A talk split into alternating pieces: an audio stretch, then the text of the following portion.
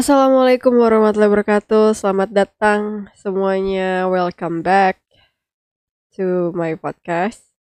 Membaca bersama Sabrina dengan gue sendiri Sabrina sebagai host sekaligus teman baca kalian. Apa kabarnya teman-teman semuanya? Semoga semuanya dalam kondisi aman dan sehat aja ya di tengah gempuran berita duka cita. But I hope you guys are safe and sound. Terus di episode kali ini gue akan menambah tumpukan buku yang harus dibaca karena di episode kali ini gue akan melakukan reading recap. But bukan reading recap tengah tahun atau reading recap uh, yang paling bagus tahun 2021 enggak. Jadi awal mulanya tuh ini gara-gara ngobrol ya sama Zaki. Ini salah satu Zakia ini salah satu sobat buku yang gue kenal dari platform Instagram.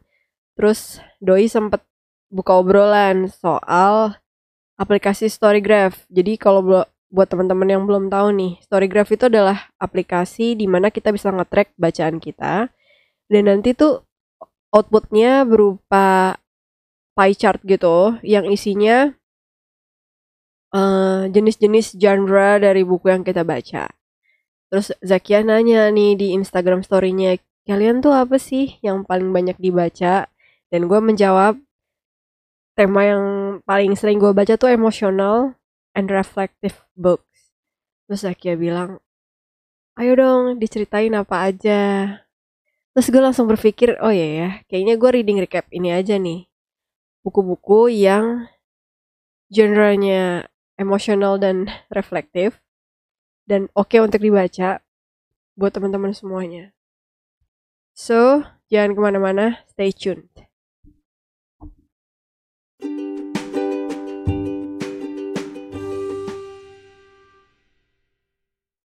Jadi soal reflektif and emosional, ini sorry ralat, bukan genre tapi mood ya. Meskipun sebenarnya di Storygraph tuh pie chartnya bermacam-macam mulai dari genre terus juga uh, pace dari bukunya. Dia slow fast atau medium dan mood dari berbagai buku. Ada banyak banget moodnya ya yang bisa di track misalnya uh, itu, itu tadi kayak mood yang paling sering gue baca tuh uh, reflektif uh, terus emosional atau ada light hearted macam-macam. Nah itu makanya seru sih pakai storygraph ini dibanding Goodreads ya kalau menurut gue. Cuman gue sendiri masih sticks di Goodreads karena um, kalau Goodreads kan konsepnya sosial media di mana gue bisa berinteraksi sama banyak orang di sana dan kadang tuh gue juga suka di reach out gitu disuruh baca advance copy atau kadang uh, diminta untuk review sesuatu but kalau di Storygraph itu konsepnya bukan sosial media. Jadi udah kayak diary sendiri aja gitu. Nah langsung aja nih ya buku-buku yang menurut gue bisa gue rekomendasikan ke teman-teman berdasarkan mood yang paling sering gue baca yaitu reflective and emotional. Dan jujur sebenarnya dari awal pas gue mau memilih rekomendasinya tuh rada susah karena hampir semua buku yang gue baca kayak bagus-bagus ya. Soalnya gue tipe yang sebelum baca buku pasti gue pilih-pilih dulu. Kayak bener-bener gue liatin tuh ratingnya terus siapa aja nih orang-orang yang merekomendasikannya apakah satu taste sama gue atau enggak gitu. Emang ribet. Tapi hasilnya ya gue puas dengan semua buku-buku pilihan gue. Jadi rada susah untuk memilih yang mau gue rekomendasikan but ini ada beberapa yang uh, mungkin bukan the best ya karena kayak semuanya oke okay, but gue memilih yang mungkin teman-teman uh, banyak yang belum dengar soal buku ini atau masih jarang dibicarakan sama orang gitu. Yang pertama nih ya, reflective mood. Jadi untuk reflective mood, gue memilih tiga buku fiksi, satu cerpen fiksi juga, dan satu buku non-fiction. Ini nggak gue urut berdasarkan yang paling bagus yang mana ya, jadi memang semuanya sama aja buat gue, tapi worth to read. Yang pertama, The Catcher in the Rye. Ini bukunya J.D. Salinger. Ini udah gue review di episode-episode sebelumnya, bahkan di introduction pun gue udah menyatakan bahwa gue sangat suka dengan Salinger. So, kalau teman-teman pengen tahu nih apa sih yang membuat gue suka banget, bisa go back ke episode yang sudah pernah gue rekam. Intinya ini buku yang menurut gue memang American Classics yang sangat wajar kalau masih hype sampai sekarang. Yang kedua, ada Gadis Pantai. Ini adalah karangannya Pramudian Antatur. Ini termasuk medium pace, sorry, slow pace. Jadi memang um, story buildingnya tuh sangat perlahan ya. Tapi slow burn gitulah istilahnya. Dan buku ini jarang dibahas orang-orang juga karena mungkin Pramudia itu kan terkenal dengan tetralogi burunya ya. Padahal buku-bukunya beliau yang lain tuh oke-oke banget. Dan gadis pantai ini adalah buku yang sangat berkesan buat gue. Karena mengangkat kisah soal feodalisme di Jawa gimana dulu menderitanya menjadi anak perempuan yang lahir di keluarga miskin gitu di keluarga yang memang kastanya bukan kasta priai bener-bener sangat uh, menyentuh hati gue dan membuat gue jadi berefleksi gitu terhadap kondisi sosial sekarang kondisi sosial masa lalu dan akhirnya membuat gue jadi grateful lah bahwa oh ya ternyata memang gue cukup berprivilege gitu ini sangat rekomendasi ya sangat gue rekomendasikan buat teman-teman dibaca buku gadis pantai ini. Dan kalau misalnya ada yang bingung aduh pengen baca Pramudia Tatur nih tapi tetralogi buruk kayaknya tebel-tebel banget gitu. Dan kata orang-orang mungkin berat. Ya udah mungkin bisa dimulai dengan baca gadis pantai dulu. Dan lihat impresi kalian terhadap buku ini kalau kalian suka dijamin akan suka juga dengan karya-karyanya yang lain Kemudian untuk novel selanjutnya, ini ada The Sense of Ending. The Sense of an Ending. Ini um, karangan Julian Barnes. Dan beliau ini adalah penulis dari lupa gue Ireland atau dari UK ya? Kayak Irlandia deh penulis Irlandia. Um, ini ceritanya sendiri tuh tentang mengenai unfinished business di masa lalu yang belum selesai dan ternyata bisa menghantui sampai di usia tua gitu di usia udah masa-masa pensiun. Terus akhirnya membuat kita bertanya-tanya sebenarnya kisah siapa sih yang benar gitu? Sebenarnya apa sih yang terjadi di masa lalu? Ini membuat gue sangat berefleksi terhadap kehidupan ya. Text away dari buku ini tuh ya gue nggak mau lah punya unfinished business sama siapa-siapa. Dan ini highly recommended. Ini juga menang Booker Prize tahun 2017 kalau nggak salah. So kalau kalian belum baca ini mesti dibaca. Selanjutnya nih ada cerpen yang gue juga sangat suka dan apa ya ini cerpennya sangat menusuk sih ceritanya. Judulnya White Knight. Ini adalah cerpen dari seorang penulis Rusia. Jujur gue bingung cara spelling nama belakang dia. Maksudnya secara pronounce nama belakang dia jadi gue akan tuh nyebut nama depannya aja ya Fyodor itu Knight ini ciamik banget. Cerpennya tuh meskipun cerpen adalah singkatan dari cerita pendek, tapi khas dari cerpen barat cenderung untuk uh, ceritanya panjang gitu. Ini like sekitar digitalnya ya, itu kalau nggak salah 40-an halaman. Tapi worth it untuk dibaca. Dan lagi-lagi ceritanya sangat menusuk. Tentang kisah cinta yang tidak kesampaian. Tapi dari sini membuat gue berefleksi bahwa nggak perlu lah mencintai orang yang nggak tahu maunya apa. Ini sangat sering terjadi soalnya di kota-kota besar ya atau bahkan di zaman era digital sekarang nih orang-orang cenderung lonely akhirnya nge-reach out orang lain tapi jadinya tuh memproyeksikan kesepiannya gitu ke orang lain padahal dia nggak tahu maunya apa tapi seolah-olah tuh butuh dicintai nih sama kita gitu. Wah itu membuat gue tersadar banyak hal sih. Jadi ini juga sangat gue rekomendasikan. Dan untuk non fictionnya adalah Tuesdays with Mori ini mungkin teman-teman udah banyak yang sering denger ya. Ini adalah memoir dari Mitch Albom. Dan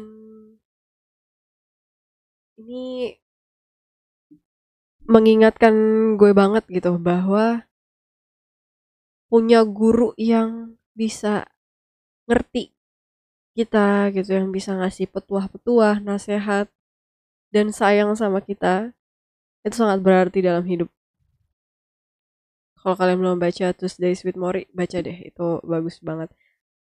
Um, meskipun mungkin kalau dibaca sama yang usia-usia dewasa gitu ya mungkin kayak terlalu terkesan nah ini bukunya terlalu optimis atau terlalu positif. Buat gue pribadi sih suka ya. Itu membuat gue jadi menikmati proses perjalanan hidup gitu bahwa ya memang perlulah punya mentor dalam menjalani hidup ini. Kalau gue perhatikan ya reflektif mood ini punya kesamaan di mana semuanya itu slow paced dan um, cenderung menunjukkan uh, kegelisahan dari dalam diri si tokoh utama. Gimana menunjukkan juga isi kepala dan pergulatan-pergulatan batin dari si tokoh utama. Dan so itu bisa dibilang reflektif gitu. Kalau kalian suka dengan tipe-tipe yang kayak gini, silakan dicoba buku rekomendasi dari gue.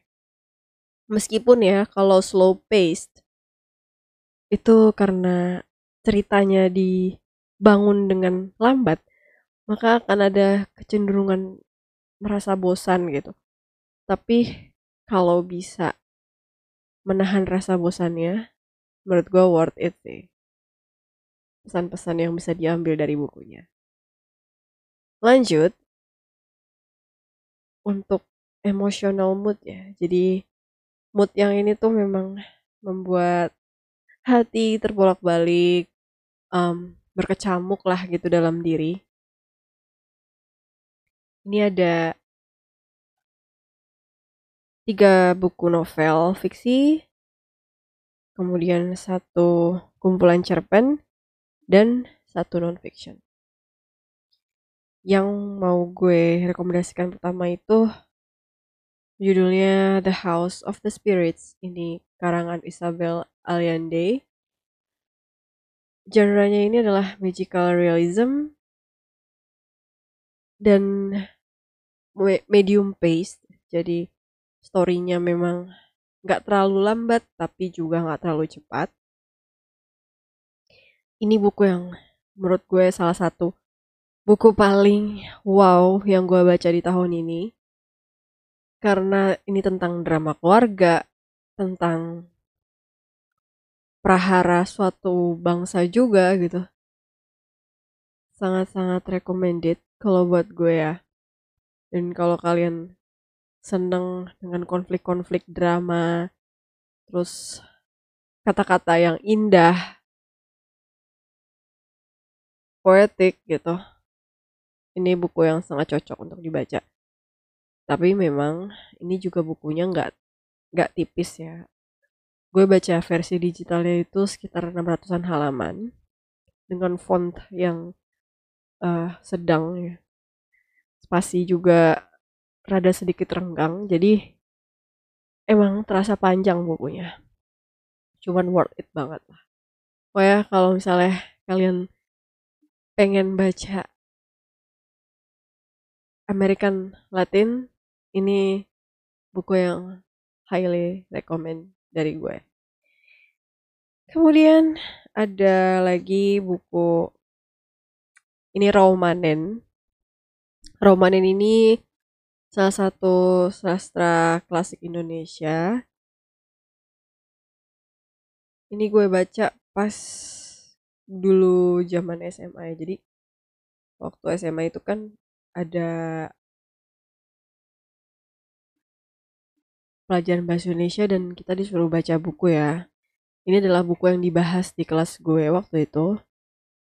Karangan Mariana Katopo ini tuh sebenarnya tentang kisah cinta antar beda suku terus romanen ceritanya hamil duluan gitu itu yang akhirnya bikin repot konfliknya. Uh, pas baca gue cukup tercabik-cabik sih karena melihat kondisi romanen yang menderita gitu akibat dari perbuatannya dengan pacarnya yang akhirnya menimbulkan kehamilan di luar nikah gitu ditambah lagi mereka beda suku beda adat jadi repot banget lah konfliknya. Dan ini worth it sih untuk dibaca. Gue suka di antara buku sastra Indonesia yang lainnya. Mungkin masih banyak yang lebih bagus but buat gue ini ada kesan emosional tersendiri gitu. Terus selanjutnya untuk novel yang terakhir ini ada In the Time of the Butterflies karangan Julia Alvarez. Ini juga salah satu Latin literature yang menurut gue perlu dapat perhatian lebih. Ini genre-nya historical fiction based on true story. Jadi di pada masa tahun 1960-an itu ketika Trujillo menjadi presiden di Republic of Dominica kan dia tuh otoriter ceritanya ya dan uh, memimpin negaranya tuh penuh dengan berlumuran darah lah ya rada-rada similar lah ya dengan yang terjadi di negara kita ketika dipimpin oleh diktator gitu. Terus ceritanya di buku In the Time of the Butterflies ini menceritakan kisah kakak beradik cewek-cewek nih yang dibungkam oleh rezim. Karena mereka berpartisipasi dalam gerakan untuk melawan rezim gitu.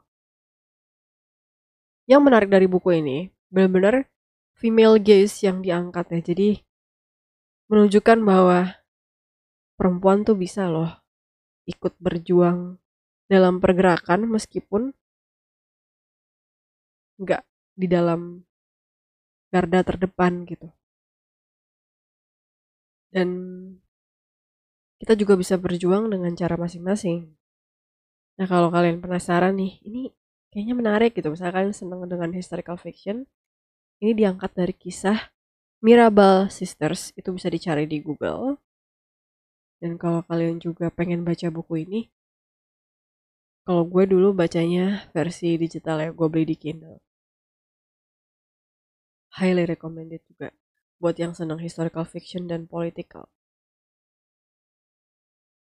Terakhir nih untuk cerpen, gue tadinya mau memilih salah satu cerpen ya, tapi gue pikir-pikir susah juga karena bukunya udah nggak di tangan gue jadi buku ini udah gue kasih ke orang lain tapi masih berbekas gitu bahwa buku ini adalah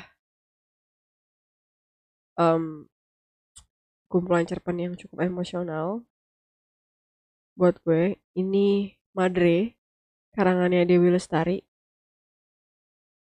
Dan tapi kayaknya semua kumpulan cerpen Dewi Lestari oke-oke sih untuk dibaca. Selain yang Madri ya, ada Filosofi Kopi, Rektor Verso. Nah itu wajib banget lah kalian baca. Kalau misalnya kalian kayak bingung pengen baca Dewi Lestari nih, tapi seri super, supernovanya kayak kepanjangan nih, bingung ngejarnya dari mana. Ya udah baca dulu aja kumcernya. Karena kumcernya ini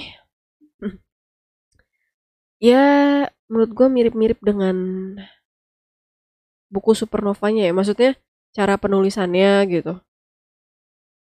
Setipe. Soalnya dari semua karya-karyanya Dewi Lestari itu rumah kertas eh rumah. Rumah kertas sih perahu kertas itu yang beda sendiri gitu jadi ini kumpulan cerpennya worth it untuk dimulai dibaca duluan Nah, yang terakhir, ini ada non-fiction yang emosional. Dan ini juga pernah gue bahas. Eh, belum. Sorry, ini belum pernah gue bahas kayaknya. Belum pernah gue bahas di podcast, tapi udah gue review di Instagram gue. Ini Everything I Know About Love. Punyanya Dolly Alderton. Why I Love This Book dan kenapa ini emosional buat gue? Karena ini memoir yang time frame-nya itu dari seorang perempuan di usia uh, muda ya, di usia muda sampai ke usia 30-annya dia. Jadi gue merasa relate ya dengan kehidupan gonjang ganjing masa muda gitu, apalagi dari sisi percintaan. Di mana sibuk mencari cinta di orang lain, Padahal sebenarnya yang perlu kita cintai adalah diri sendiri dulu. Itu sih yang akhirnya membuat gue merasa oke okay, buku ini kayaknya perlu gue rekomendasiin buat teman-teman semuanya. Untuk emotional mood sendiri ya, ini hampir semuanya tuh medium pace, jadi tidak selambat yang mood reflektif.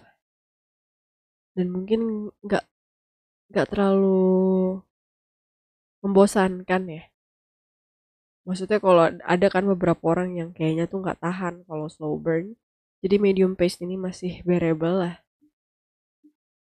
Dan konflik-konfliknya juga masih apa ya kalau dibandingin sama reflektif tuh ya konfliknya masih lebih beragam gitu karena kalau reflektif itu kan lebih menyuarakan isi kepala gitu ya dan pergulakan batin. Tapi kalau emosional itu ya ada konflik eksternal juga gitu. So,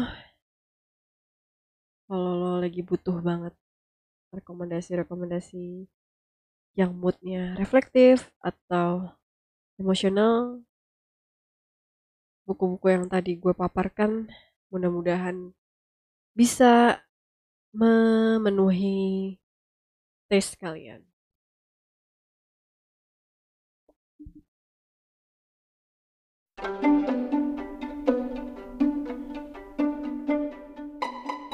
So, terima kasih banget buat teman-teman semuanya yang sudah mendengarkan episode kali ini. Mudah-mudahan kalian semua aman-aman aja kondisinya. Sampai jumpa lagi di episode berikutnya. Bye bye.